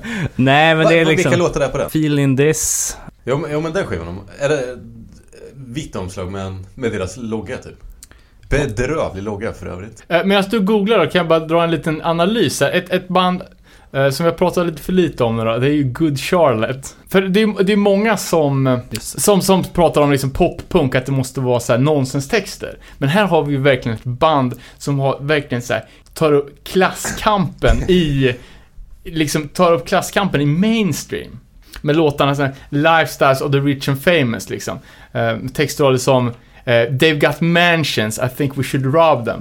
Bra rim där förresten. Ja men det är ju verkligen liksom bara eh, expropriering, eller vad fan, är- eh, ja, vad fan heter det? När, när staten tar privat egendom. Men, men det sjuka med, det är också major label ju. Ja, så det bara sjunger om det. Jag kan eh, nämna, du eh, undrade ju vilka låtar det var på Blinks självbetitlade från 2003. De har ju några hits. Det är ju Feeling This, Down, I Miss You, ja, All of This är ju en annan jävel som har gått på radion. Men alltså det är lite... Ja, jag vet vilka låtar. Alltså det är lite mer emo än poppunk, men jag tycker att den skivan är grym. Alltså den slår ju kanske inte Enemy of the State, men... Vill, vad, ville du säga någonting om eh, Good Charlotte? Ja, vilket jävla fett band det är alltså. Ja. Det är svingrymma. Nej, jag bara tänkte, man brukar ju ofta säga att uh, poppunken, att det, så, så, att det nästan ska vara nonsenstexter. Uh, då tänkte jag bara ta upp Good Charlotte som ett bra exempel på, på ett, ja men så det är ett major-bolag, eller bolag, ett major mainstream-band. Som verkligen tar klasskampen in i the mainstream liksom. Det är så jävla fett. Ja, verkligen. Fast Eh. inte riktigt, inte på riktigt, riktigt. Nej, vadå? De uppmanar ju till att man ska råna de rika och så här. Och det här, nu snackar vi, det är ju ändå killar, bröderna Madden, Benji, det är han som ser ut som Juggalo, och eh, Joel. Eh, de tjänar ju enligt så här, vad heter det? Jag trodde fan han var Juggalo ett tag. Ja. Eh, men de, de var ju, hade ju ett nettovärde på 16 miljoner dollar var. Och ändå så gör de låtar om att man ska råna de rika. Så här ser man Ja men, folk... ja, men, ja exakt, det är det som är skevt ju. Ja, men vet att de de har tjänar ju... pengar på, de, de är ju de där snubbarna, de sjunger om det. Ja, men då kan ändå skilja liksom klasstillhörighet och sån, eh, liksom klassståndpunkt. De är som Jan Guillou. Ja. ja, jag kan fortsätta. Vi befinner oss i 2004 i alla fall. Eh, era favoriter Simple Plan släpper en, en till platta som heter Welcome to my life och Newfound Glory släpper All Downhill from here. Båda blir supersuccéer. Men du, nu så här, uh, Newfound Glory, alltså hur, är de så här Sum 41 stora eller är de typ en tredjedel så stora eller är de en 300-del så stora? Bra fråga. Jag tror att eh, de kanske är Pennywise-stora. Okej, ja.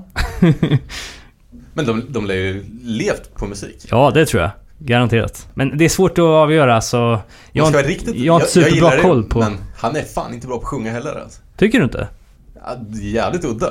Ja, men det passar ju musiken. Men är det Ja. inte lite grejen? För typ Offspring var ju också udda sång, Green Day superudda, Blink också mega nasalt. Mm. Kanske behöver vara det för att, för att, inte vet jag, för att stämmorna ska kunna, man får inte eh, raspa för mycket på rösten. Nej, precis. 2004 i alla fall så eh, kan man ju undra just vad höll Green Day på med? De, de var ju allmänt, allmänt ansedda Jag tycker som... de killarna kan ta sig en jävla funderare på vad de håller på med. Men de var ju allmänt under den här perioden ansedda som has-beens som inte hade gjort något vettigt de senaste åren, levde på gamla meriter och gamla royalties. Men med ett stundande Irakkrig i ryggen, men mer politiska än någonsin, så låste de in sig i studion, vilket 2004 resulterade i plattan American Idiot som direkt, jag vet inte på öppningsdagen kanske, men under det här året sålde 14 miljoner ex. Eh, låtar från den plattan som toppade listorna var Holiday, Boule- Boulevard of Broken Dreams, Wake Me Up When September Ends och Jesus of Suburbia. Också superpoppis bland när jag växte upp under den perioden. Men det var ju- Titelspåret ska jag kan jag nästan köpa att det är en okej låt, men övriga är ju också sämst. Ja, jag, jag tycker att det finns mycket gött att ta av på den plattan. Eh, även om man har lyssnat sönder på, på det. Men eh, Ja, men jag, ja. Jag, jag tror att de låtarna är ja, inte fullt så uh, förstörda. jag kommer ihåg att Boulevard of Broken Dreams var ju fan det enda man lyssnade på i ett helt år. Alltså, Ofrivilligt på P3. Ja. ja. Är det inte lite såhär ballad-feeling på hela skivan? Fast också lite, jag skulle nästan kunna jämföra den med, vad heter han den där jävla teatraliske fan som var populär? Mer, mer, med Freddie Mercury. Eh, som sjöng i... Lugn. det var den bästa beskrivningen. ja men vad fan, jag ser honom bara framför mig. Men okej, eh, ja. de hade ju eh, jävligt eh, spexiga låtar. Va, vad hette bandet? Queen? Queen, ja, ja exakt. jag har aldrig hört dem heller. Eh, de hade ju superspexiga liksom, med harmonier och det var stopp och det var fram och vänta tillbaks. nu. Queen är inte spexigt någonstans. Det är superseriöst.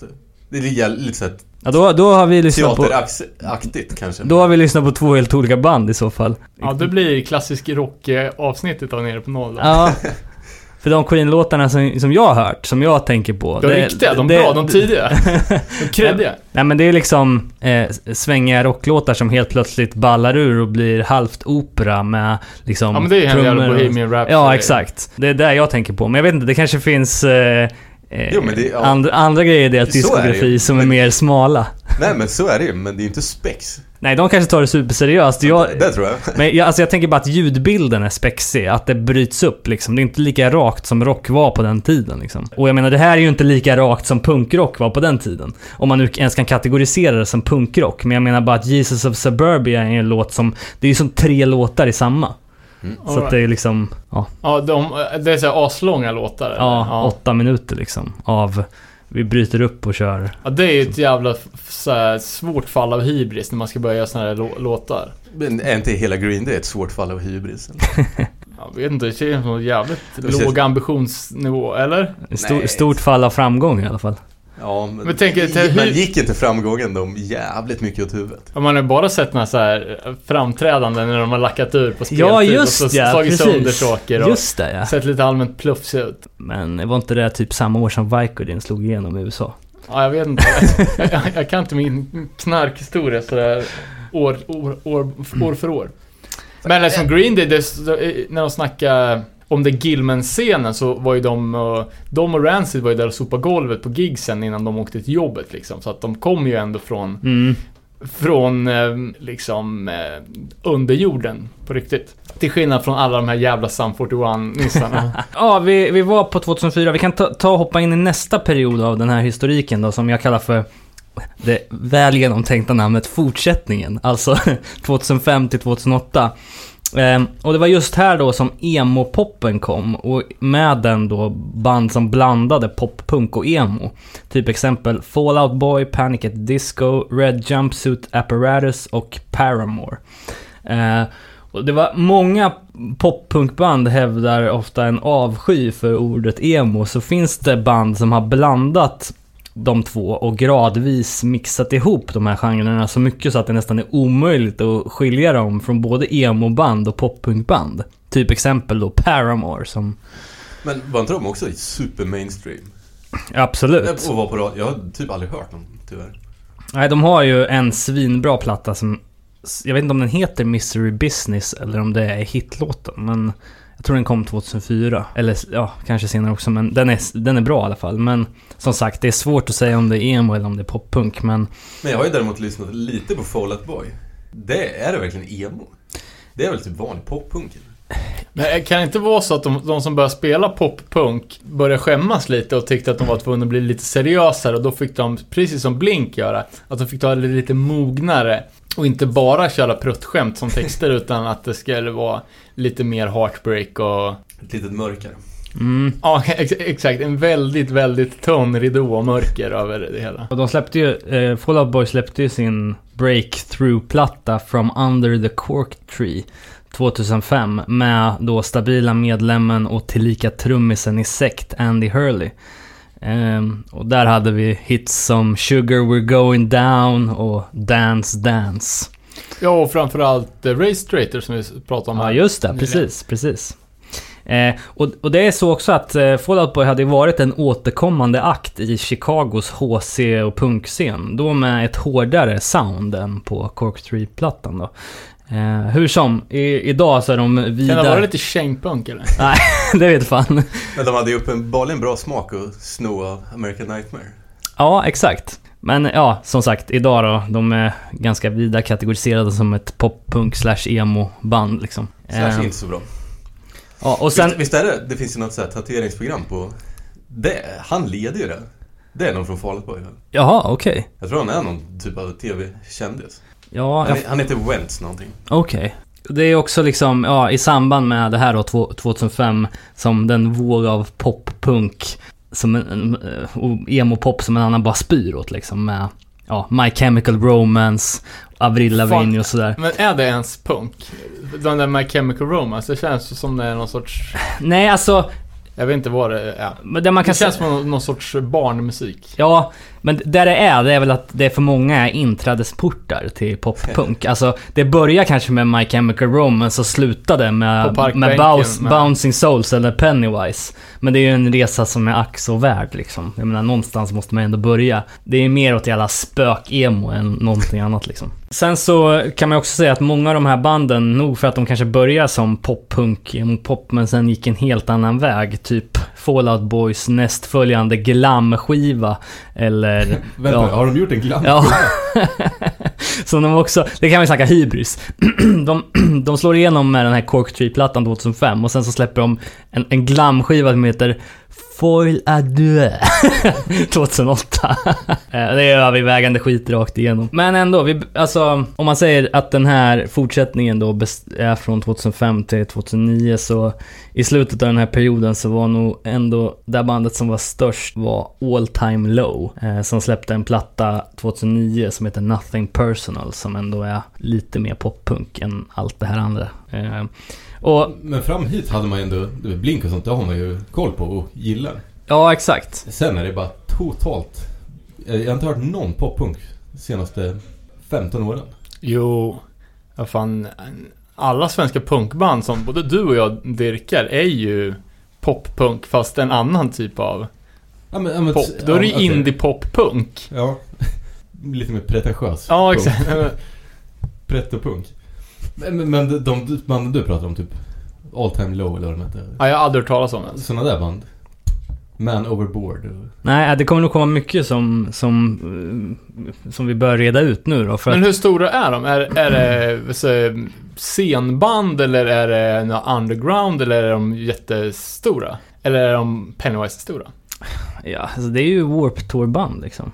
Alltså det är ju... Är det Warp Tour på dekisband eller är det Warp Tour när Warp Tour var Warp Tour?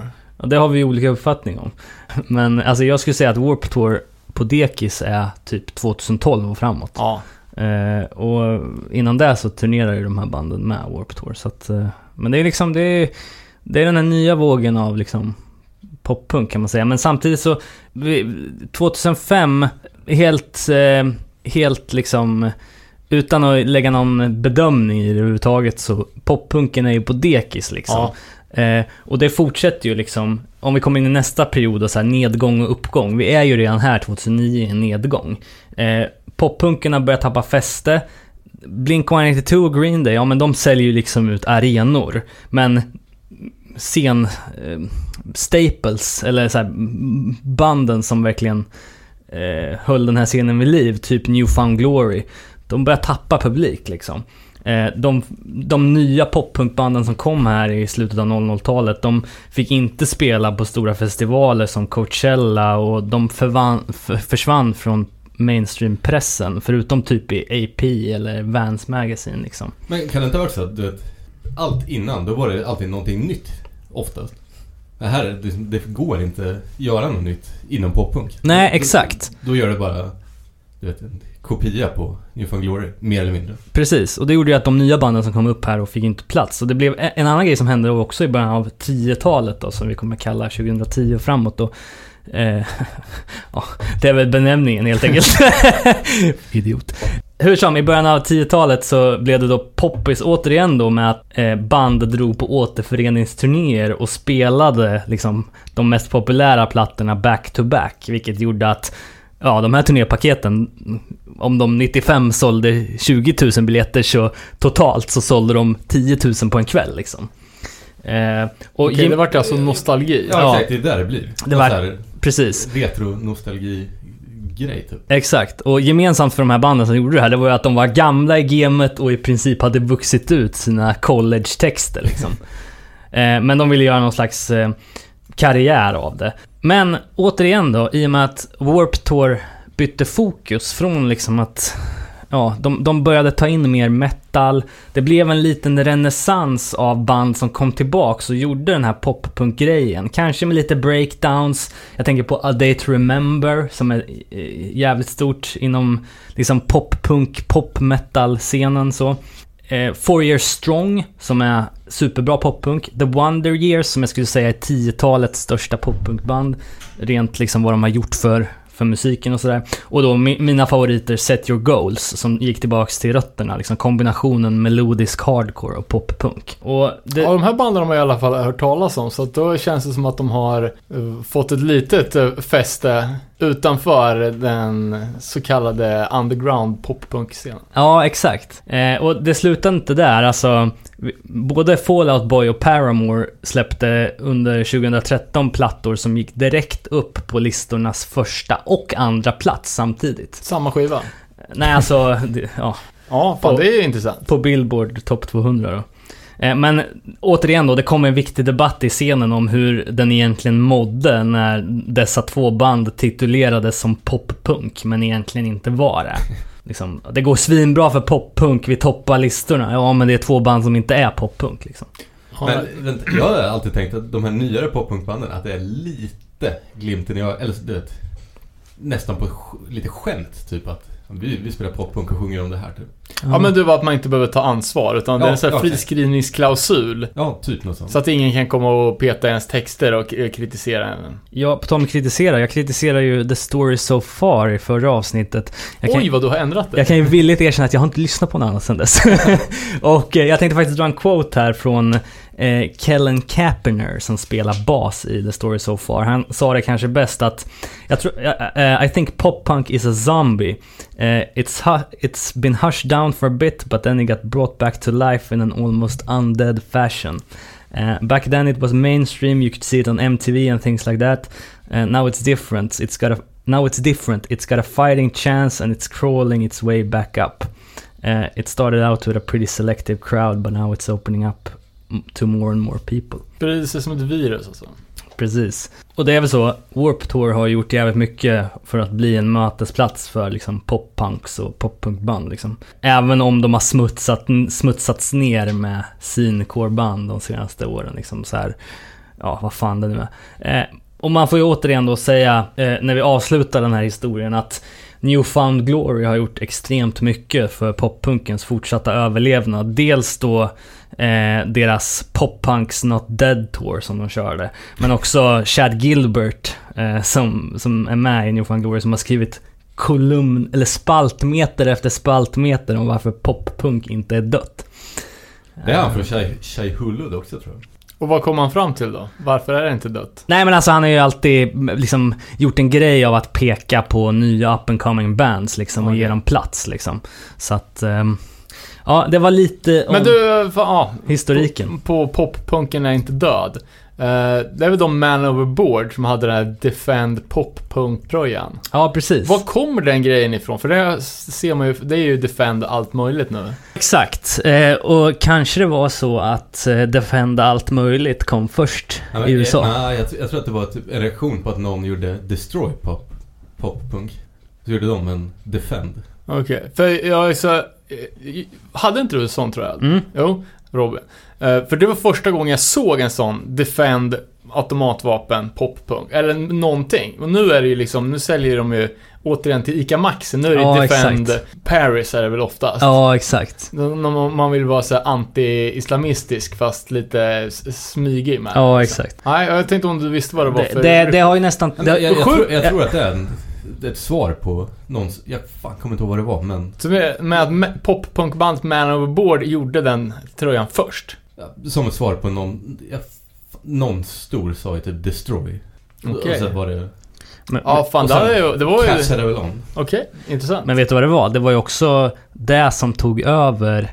Eh, för det alla gick runt med innan, det var ju Keep Calm And. Okej. Och sen så kom det liksom. Det måste ju varit så. det blev nästan så.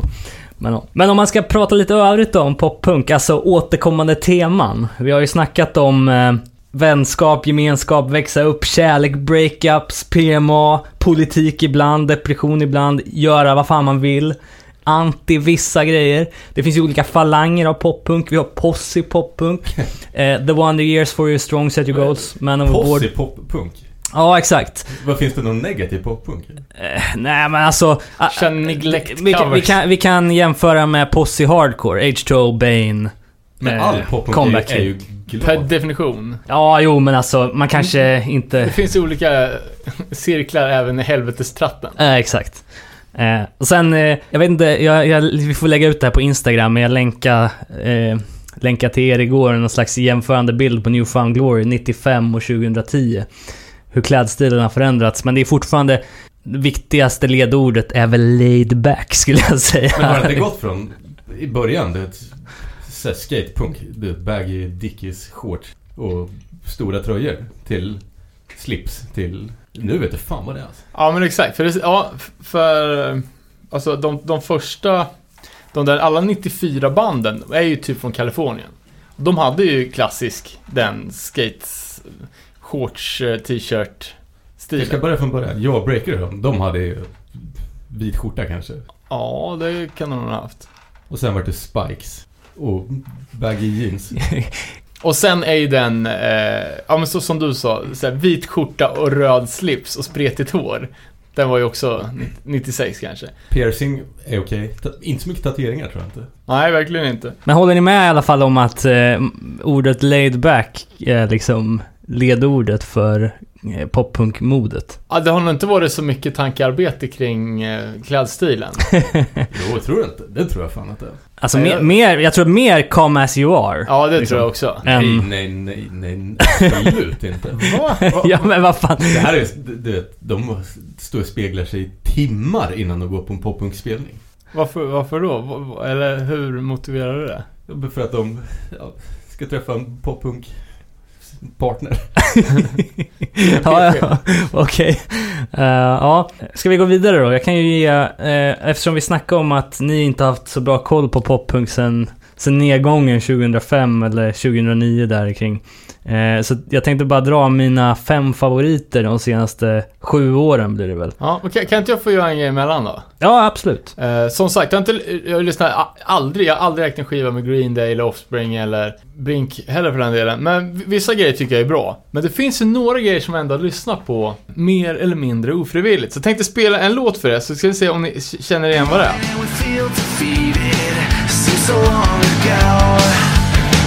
Tuesday's coming, we just we're in our zone. They say go slow, and everything just stands so still. We say go go, you gotta see us. Just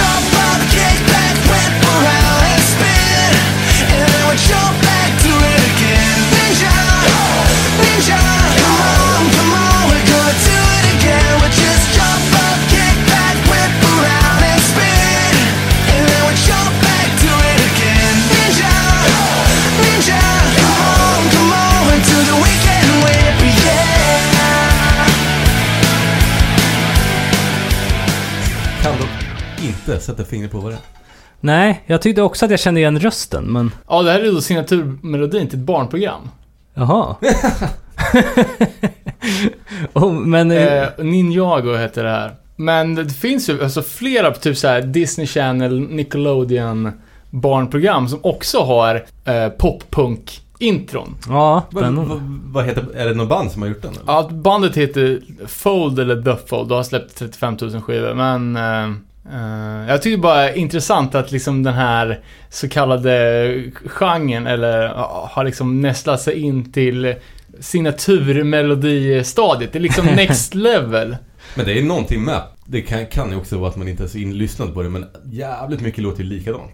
Ja, så tyckte Alla, alla de här nya banden, jag hör inte skillnad på det. Alltså min teori är att det är vetenskapligt bevisat att man blir glad av poppunk. Och att det är därför man väljer att lägga det som signaturmelodin till ett barnprogram. Ja, ja det är möjligt. Alltså det är ju catchy som fan. Det är ju det som den stora poppunks-uspen, måste man ju säga. Men en tung gräns innan det blir vet, nästan ett skämt för att det är vuxna män som sjunger om var, var 15 typ. Ja, precis. Busringa eller någonting, vad fan. Ja, ja och, och just den avsaknaden av... Eh, det är lite... Det finns liksom inga, inga konflikter. Det är bara så jävla... Det är en American Pie-film typ. Ja, typ. Eh, Men alltså de flesta låtarna man har hört är bra. Bara tagna ur sitt sammanhang liksom. Så det är inte det, är inte det som är problemet. Men ska du lyssna på... eh, Jag plöjde några tunga Spotify playlists, olika poppunk. Och det var ju, alltså alla låtar låter samma. Inget eh, sticker ut varken hitåt eller ditåt. Eh, och det, jag får liksom inga bestående känslor heller. Och så är det inte med så många andra genrer liksom. Det kan ju också bero på var man kommer ifrån. Om Ja, man har jo, aldrig hört nej, nej, hardcore alltså, jag så pratar kommer ju så- allting låta likadant också. Jag pratar ju såklart bara utanför, utifrån eh, mina upplevelser. Ja, ska, vi- ska vi gå vidare då med, med den här listan som jag Ja, snackade om? då kanske Eh, det finns någonting som... För jag, jag tänkte också...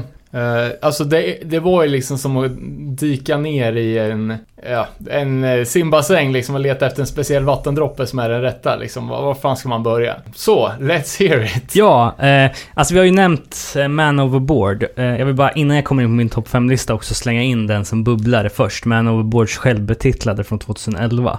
För den är ändå...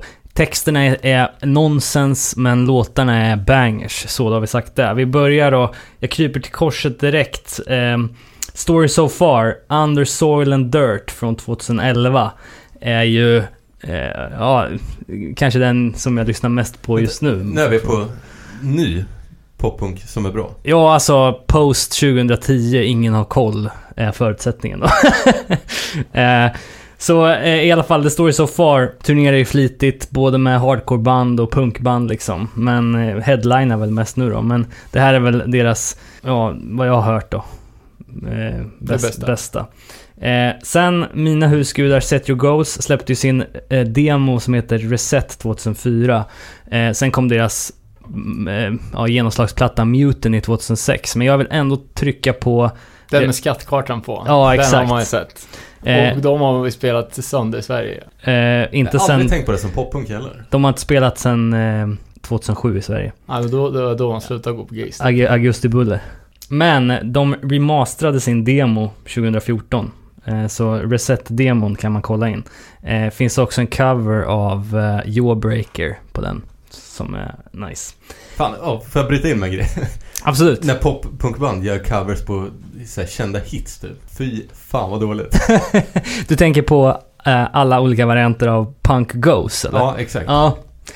Det finns ju... Var det ett koncept eller? Ja, exakt. Det är konceptplattor då. Eh, punk goes acoustic, punk goes pop, punk goes country, punk goes metal, punk goes anthems. Ja, det är typ Eh. Me First and Gimme Gimmes. Eller tvärtom. Ja, alltså... Eh, Punkband spelar hits, typ. Ja. exakt. ja. Som, det var väl några jävla nötter som gjorde Umbrella här. Var inte det typ Lilla Syster? eller- Ja, men exakt. Ja. Det är den, den stilen.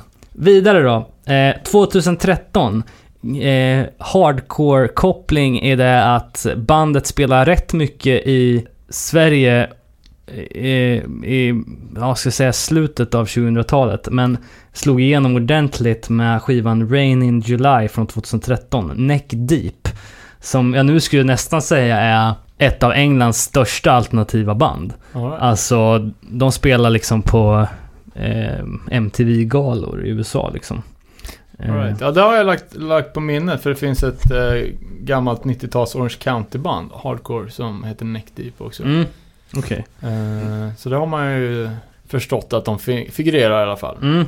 Också på den här plattan Rain in July så har de ju då en klassisk ballad eh, med, eh, som, som hör till liksom i många av de här. Men det var den skivan de slog igenom med och den är fan jävligt stabil fortfarande. Är det Eh, ett måste ha en ballad per skiva om man är ett poppunkband eller? I alla fall en akustisk låt. Sen har vi då eh, Real Friends. Eh, också amerikanskt band. Låter som en pizzeria. eh, släppte skivan Put Yourself Back Together 2013.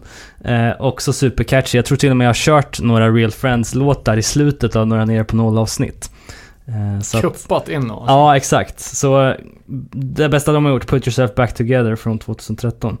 Eh, sen sista då, en, ett okänt band eh, som, som inte har fått så stort genomslag. De har bara släppt en fullängdare. Den heter What Matters Most från 2014. Bandet heter Forever Came Calling. Och det är superpop-punk. Med ganska aggressiv ljudbild, lite mer åt hardcore-hållet. Eh, i, i musik, eh, ljudbilden, men ändå superharmonisk sång och sådär. Så att, eh, ja, det var lite mina favoriter. Har vi någon sammanfattning på det här? Som, som vanligt när man pratar om en viss eh, subgenre av punk så har ju alla sin egen uppfattning om vilka band som är störst, vilka band som gjorde vad, vilka skivor som är respektive inte är poppunk. Jag vet att inför researchen för det här avsnittet var jag inne på någon Ramones forum och läste trådar där folk nästan blev dödshotade för att de antydde att Ramones var poppunk. Så att det är... Ja, ja, det är lite, lite stigmatiserat att kalla sig poppunk. Det får man ju ändå säga. Men jag tror att personligen så är det nog Eh, Ja, en av de bästa musikgenrerna, om man säger så.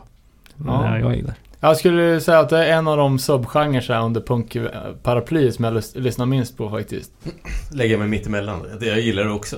Mm. Men jag har inte riktigt energin att lyssna på ny. Så det är bra att ha några poppunkdängor i bakhuvudet utifall att man någon gång skulle komma över eh, musik eh, cuen på fest. För det går alltid att kuppa in poppunklåtar. Och att det får spelas. Ja. Det är Det är liksom... sant. Det är dra, sant. dra igång Belfegor liksom. Goat Whore Satan. Nej, det håller inte. Det, är ett, det är ett lifehack från Robin här alltså. Ehm, ja. Och vi hade ju fått, uh, vad fan, apropå um, uh, låtar. Vi hade ju fått uh, ett nytt intro gjort till oss. Ja, just ja. Eh, Eh, bra initiativ. Fortsätt göra det. Ja, det vore skitkul. verkligen. Finns det svenska poppunkband? Så sjunger på svenska eller? Nej, som är från Sverige. Nu alltså. Det måste du göra. Ja, Nämn ett då. Nej men jag kan inte poppunk. nej. Jag, jag kan inte svensk poppunk. nej, vi får väl, eh, vi får väl rikta den frågan till våra lyssnare och de får väl tipsa oss. Jag kanske, kanske kan känna att kan det inte vara så att eh, trallpunken lite konkurrerade ut poppunken i Sverige? Liksom att det blev... Det är mycket tendenser som går att återfinna i, i liksom... Jo, Ja. ja så är det ju. Jag tänker på Hans och Greta och Racerbajs och... Kassler. Ja. Oh, fan, helt slut. Eh, har vi något mer att säga eller ska vi packa ihop butiken för idag eller? Du kan väl få önska en avslutningslåt då? Ah, fan, då måste jag ju nästan köra något med Set Your Goals alltså. Då får det bli eh, Muten i titelspåret från plattan från 2006. Vi säger så. Tack för idag då. Tack. Ciao!